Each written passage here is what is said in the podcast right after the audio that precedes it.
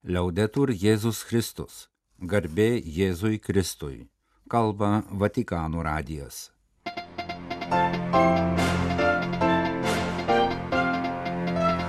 Malonus klausytojai šioje antradienio vasario 14 programoje paskirtas naujas apaštališkosios bibliotekos prefektas ir Zagrebo arkivyskupijos koadjutorius suvažiavimo Vatikane apie pasauliečių vaidmenį bažnyčioje pristatymo konferencija. Roma rengėsi priimti milijonus piligrimų. Lisabonoje pristatyta ataskaita apie nepilnamečių seksualinį išnaudojimą bažnytinėje aplinkoje Portugalijoje. Meksikoje nušautas kunigas. Centrinėje Afrikos Respublikoje misionierių sužalojo mina. Paryžiaus katedra turėtų būti vėl atidaryta kitų metų gruodį. Popiežius Pranciškus antradienį vasario 14 dieną paskyrė salizietį kunigą Mauro Mantovanį naujojų apaštališkosios bibliotekos prefektu, pakeisinčiu iki šiol šias pareigas ėjusi monsignorą Cezarė Pazinį.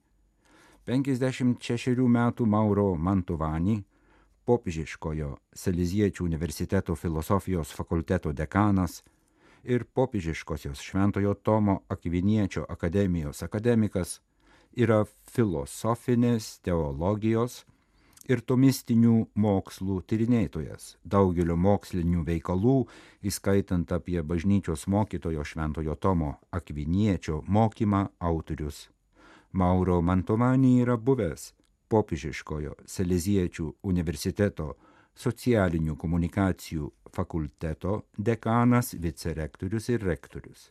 Naujasis apaštališkosios bibliotekos prefektas kunigas Mauro Mantovani taip pat yra Šventojo sosto bažnytinių universitetų ir fakultetų kokybės vertinimo ir skatinimo agentūros narys.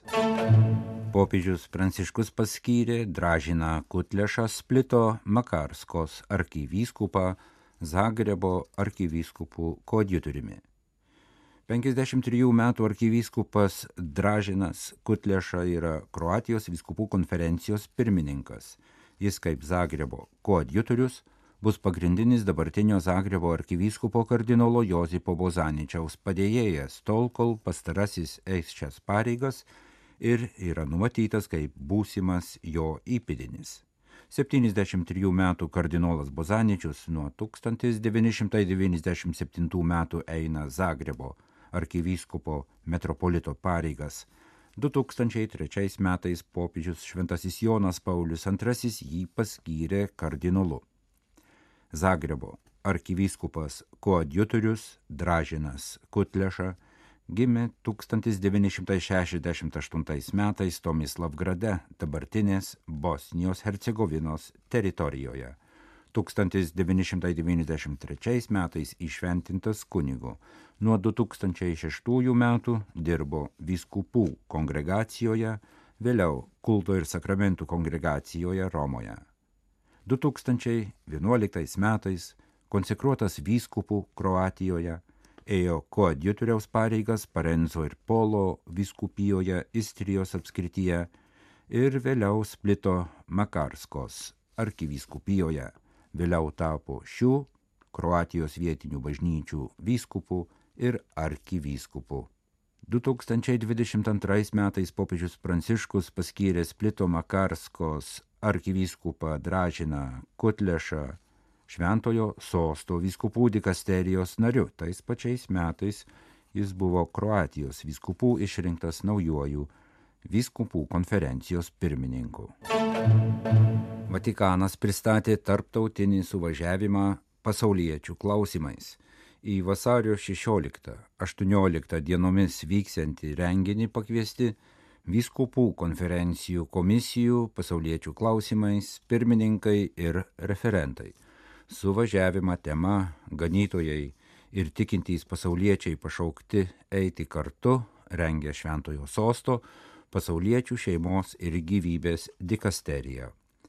Pasauliečiai nėra ir neturėtų būti laikomi ganytojų ar kitų dvasininkų deleguojamais pavaduotojais. Jie taip pat negali pakeisti kunigų ar vyskupų. Visi Dievo tautos nariai, ganytojai ir pasauliečiai dalinasi atsakomybę už Kristaus pašauktos Dievo tautos gyvenimą, misiją, gerovę ir ugdymą. Visi esame pašaukti eiti kartu, pažymėjo suvažiavimo pristatymo konferencijoje antradienį Vatikane kardinolas Kevinas Farel, pasauliečių šeimos ir gyvybės dikasterijos prefektas. Anot jo šiuo suvažiavimu siekiama, kad tiek ganytojai, tiek pasauliečiai suvoktų atsakomybės jausmą, kuris gimsta iš krikšto ir kuris visus vienyje.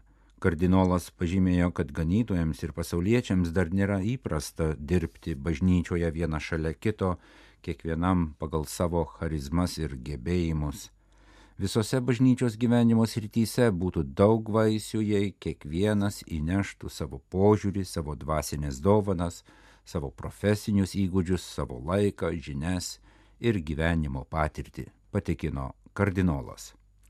Kardinolas Kevinas Farel pridūrė, kad suvažiavimo pabaigoje į dalyvius kreipsis popiežius Pranciškus ir pasidžiaugė tuo, kad seniai renktas, tačiau dėl pandemijos atidėtas suvažiavimas vyksta tuo pat metu, kai bažnyčia pradėjo sinodinį ėjimo kartu procesą. Artėja 2025 m. jubiliejus, kuris bus rimtas iššūkis Romos miestui, turėsiančiam priimti milijonus piligrimų. Busimiems šventiesiems metams buvo skirta asociacijos Karita politika surenkta konferencija, kurioje pagrindinis kalbėtojas buvo Italijos viskupų konferencijos pirmininkas kardinolas Matteo Zuppi. Kardinolas Zuppi, nors jau keletą metų vadovauja Bolonijos arkiviskupijai, yra romietis. Jis Romos mieste gimė, užaugo, porą dešimtmečių kunigavo ir keletą metų ėjo vyskupo auxiliaro pareigas. Pasak jo, Roma yra šventasis miestas, taip jį galima vadinti dėl šventojo Petro ir kankinių liudijimo bei dėl to, kad čia gyvena Petro įpėdiniai. Tačiau kartu Romas legia ir daug sunkumų, kurių pagrindinė priežastis yra pastaraisiais dešimtmečiais vykusi sparti, netvarkinga plėtra. Dabar Romos miesto gyventojų laukia rimtas iššūkis - parodyti svetingą širdį piligrimams, kurie atvyks jubilėjaus metais. Milijonai žmonių atvyks į Romą su daugybė lūkesčių, kalbėjo kardinolas. Pilietinė bendruomenė turi juos priimti ir atsiliepti į jų lūkesčius taip, kaip mes visi norėtume būti priimti, kai lankomės piligrimystės vietose. Tie lūkesčiai tai dėmesys, pagarba, artumas. Vasario 13 dieną Lisabonoje pristatyta ataskaita apie nepilnamečių seksualinį išnaudojimą bažnytinėje aplinkoje Portugalijoje per pastaruosius 70 metų. Šią ataskaitą krašto viskupų konferencijos užsakymu parengė vaikų psichiatro Pedro Strechto vadovaujama nepriklausoma komisija. Kone 500 puslapio ataskaitoje pateikiama ne vien statistika, bet ir įvairūs kiti pjūviai bei duomenys apie išnaudojimo kontekstus, tipus, pasiekmes, juridinius ir kanoninius vertinimus, apie seksualinio išnaudojimo aukų gyvenimo trajektorijas, apie išnaudotojų psichologinį profilį ir veiklą. Nurodoma, kad nepriklausoma komisija surinko 564 asmenų užpildytus klausimynus, iš jų galiojančiais pripažinti 512 liudijimų, kai kurie atsispindėjo jau iškeltose valstybinėse ar bažnytinių teismų bylose, kiti buvo visai nauji. Seksualinį išnaudojimą bažnytinėje aplinkoje Portugalijoje tyrusi komisija rinko duomenis apie laikotarpį nuo 1950 metų iki 2022 metų. Dokumente pasitvirtino jau kitose panašiose ataskaitose pastebėta tendencija. Daugiausia išnaudojimo įvyko 1960-1990 metų laikotarpiu, po to nusikaltimų kreivė ženkliai mažėja. Vaikai dažniausiai seksualinį išnaudojimą patyrė 10-14 metų amžiaus intervale, tad daugumai klausimyną užpildžiusių aukų šiandien jau virš 50 metų, o nemažai juos išnaudojusių asmenų jau yra mirę. Kaip žinia, seksualinis išnaudojimas yra skirstomas pagal veiksmų pobūdį ir sunkumo laipsnį nuo neleistino kalbėjimo iki labai sunkių išnaudojimo formų. Daugumoje išnaudojimo atvejų kalbama apie lėtimus, tačiau nuo kelių iki keliolikos procentų aukų patvirtino, kad patyrė tris išnaudojimo formas, kurios teisiškai vertinamos kaip išprievartavimas - lytinius, analinius ir oralinius aktus. Kalbant apie teisę, ataskaitoje priminama, kad senaties sukaktis kanonų teisėje apima 20 metų po pilnametystės, o Portugalijos baudžiamojoje teisėje tik 5 metus. Kitaip tariant, auka turi pranešti apie patirtą prievartą iki 23 metų amžiaus. Tačiau sukaupta patirtis rodo, kad aukoms reikia gerokai ilgesnio laikotarpio prabilti apie šią trauminę patirtį. Tad tarp rekomendacijų yra pasiūlymas, kad tokiems nusikaltimams valstybė nustatytų senaties terminą iki 30 metų amžiaus. Daug kitų rekomendacijų skirta nulinės tolerancijos principui jau primtam ir įgyvendinamam gerinti bei pagalbos aukoms, ypač emocinės ir psichologinės teikimui. Pridurima, kad apie ketvirtadalis atsiliepusių aukų nurodė, jog išliko praktikuojančiais katalikais, kiti nutolo nuo bažnyčios. Dauguma išnaudotojų Portugalijoje buvo vyrai, beveik 97 procentai, moterys sudarė apie 3 procentus. Išnaudotojų dauguma 77 procentai buvo dvasininkai, o likusieji buvo bažnytinių įstaigų personalo arba bendruomenių nariai pasauliečiai.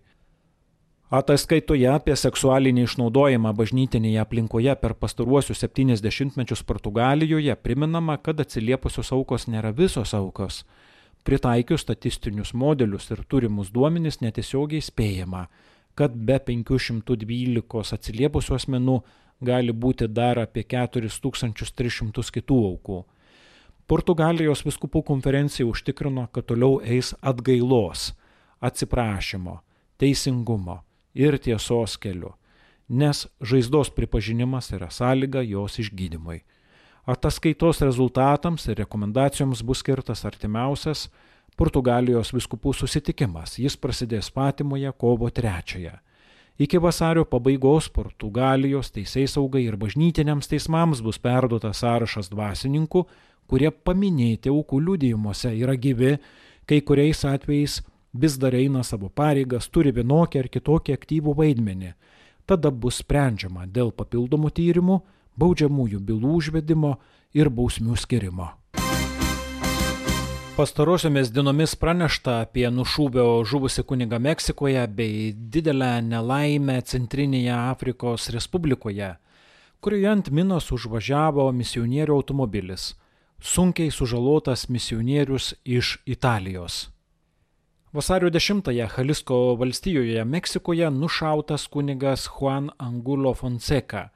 Nors teisės saugos tyrimas dar neužbaigtas, vietos žiniasklaida dalyjasi vaizdo įrašu, kuriame jos teigimu matomas šūvį paleidęs užpulikas. Tvirtinama, kad tai artimas nužudytojo kunigo giminaitis turėjęs pretenzijų dėl paveldėtų turto. Šis epizodas primena atvirą Meksikos žaizdą, chronišką smurtą į tarptautinės žiniasklaidos dėmesį dažniausiai patenka narkotikų kartelių ir kitų nusikaltėlių grupuočių Meksikoje vykdomi nusikaltimai, kurių metu kartais nužudoma dešimtis žmonių, įskaitant vaikus, moteris, senelius.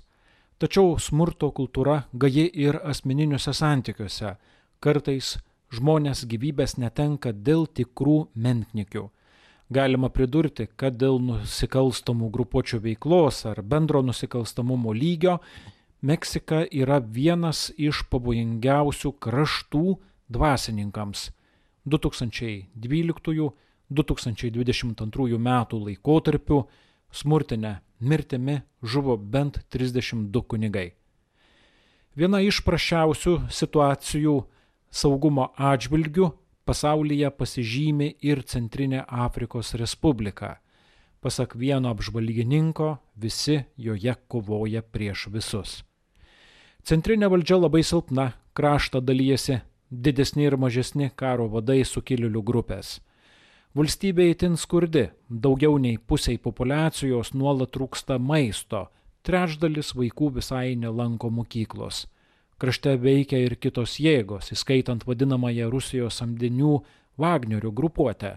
Surinkta daug duomenų apie jos narių Centrinėje Afrikos Respublikoje, Malyje ir Libijoje įvykdytus nusikaltimus, įskaitant daugybę arbitralių žmogžudyščių. Iš kitos pusės daug asociacijų ir organizacijų bando šiek tiek padėti šiam karo ir ilgamečių konfliktų išsekintam kraštui. Tai pasiaukojantis ir pavojingas darbas.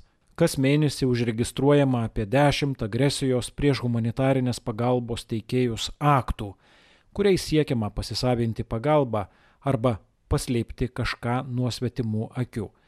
Tokiame kontekste darbavosi ir misionierius karmelitas iš pietų Italijos tėvas Norberto Poci, kuris į Centrinę Afrikos Respubliką atvyko 1980 metais, tada apsisprendė eiti vienuolystės keliu ir 1995 buvo išventintas kunigo. Vienoje Italijos pranciškonų kapucinų interneto svetainėje paskelbtame pasakojime misionierius dalyjosi liūdėjimu, apie nulatinį silovados, artimo meilės darbų ir humanitarnės pagalbos derinimą krašte, kuriame stinga visko - elementariausių vaistų, elementariausių paslaugų, elementariausio saugumo ir teisingumo. Vasario 10 dieną tėvas Norberto, kitas misionierius iš Prancūzijos, keli vietiniai bendražygiai, skaitant seminaristą ir katechetą senu pikapu, grįžo namo, aplankę keletą kaimelių Važiuojant nedideliu dulkėtų Bazumo provincijos keliuku savanoje, automobilis užvažiavo ant minos. Labiausiai nukentėjo misionierius italas. Minos skeveldros stipriai sužalojo jo kojas. Pavyko skubiai iškviesti Junktinių tautų organizacijos misijos malūnsparnį, kuris jį nugabeno į už 300 km esančią ligoninę sostinėje Bangyje. Iš ten misionierius buvo nugabentas į geriau aprūpintą ligoninę Ugandoje, tačiau jau buvo per vėlu, vieną koją teko amputuoti. Kartu su juo keliavę bendražygiai nukentėjo mažiau. Vienam nuo sprogimo lūžo petys, kiti atsipirko sumušimais. Norime, kad kiekvienas, kuris ateityje lankysis Paryžiaus Dievo motinos katedroje, susidurtų su krikščionišku liudijimu, kad iš turisto taptų piligrimu sako kunigas Olivier Ribado Duma, šios šventovės rektorius, bažnyčios vardu prižiūrintis jos atnaujinimo darbus. Paryžiaus Dievo motinos katedra labai nukentėjo nuo 2019 m. balandžio 15 d. kilusio gaisro. Šiuo metu remonto ir restauravimo darbai jau gerokai pažengė į priekį, katedros atidarimas numatytas 2024 m. gruodžio 8 d. Pasak katedros rektoriaus jau dabar, atsižvelgiant į tai, kas buvo padaryta, galima įsivaizduoti, kokia didinga ji bus po atnaujinimo. Visų pirma, ji tikriausiai stebins lankytojus šviesumu, nes bus nuvalyti per šimtmečius patamsėję akmenys. Prieš gaisrą Paryžiaus katedrą kasmet aplankydavo po 12 milijonų žmonių.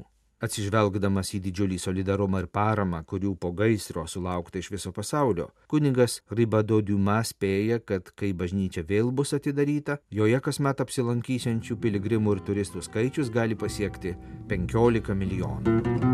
Kalba Vatikano radijas laidą lietuvių kalba baigėme garbė Jėzui Kristui, liaudetur Jėzus Kristus.